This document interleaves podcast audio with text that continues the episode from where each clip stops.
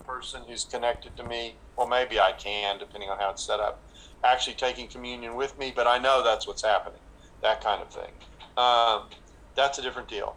I we found baptism to be a harder a harder conversation, um, just because it assumes that you've got an, uh, a person officiating over the bap- over the person being baptized and doing a baptism. And this isn't a.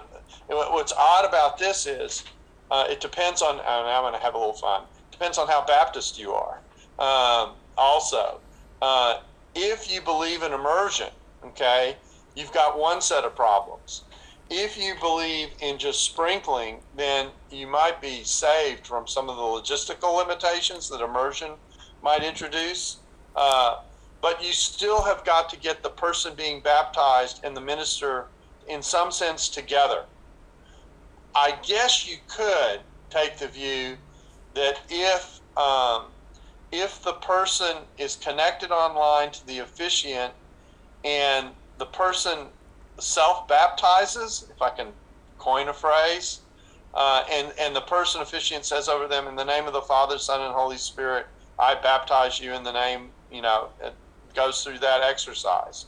Uh, I guess you could say that's a baptism, a baptism of sorts, um, but that it, it really does operate with a limitation that I think we just have to recognize. And, and so I find baptism a harder thing to think about in a virtual reality situation if the the minister and the person being baptized are not in the same location, physical location, and doing it together. Um, then, then, it seems to me there's something going on there that might be problematic.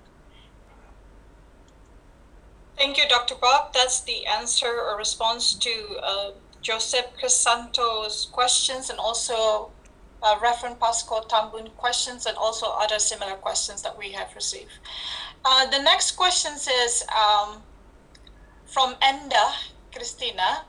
So virtual reality church uh, in, basically enable um, like uh, many of us like our congregations to visit quote unquote other churches basically through their online services. So from the pastoral perspective, uh, do you think like the senior pastor or each senior pastor in each churches need to ask their congregation to just stay in their own church, quote unquote, or Oh, they man. encourage that kind of thing?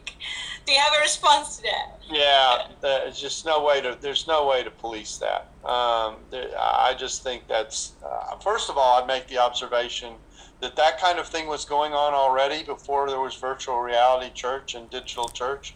It was happening on radio. It was happening on television. So, uh, so you're you're injecting a problem here that actually is an older problem. I think what you want to encourage people to do is to um, be discerning about the teaching that they receive uh, and to encourage them in that regard. Um, and I don't think you can restrict fro- fro- someone from hearing from someone who teaches who's outside your church congregation and, uh, and allow that to go on. And in fact, I think by doing so, you might actually be undercutting an important principle of the church that's important, and that is that um, that to the extent that we're being faithful, people are being faithful in their teaching. It's actually good for a person to be hearing from many voices and getting the perspective that can come from many angles of teaching if it's solid teaching.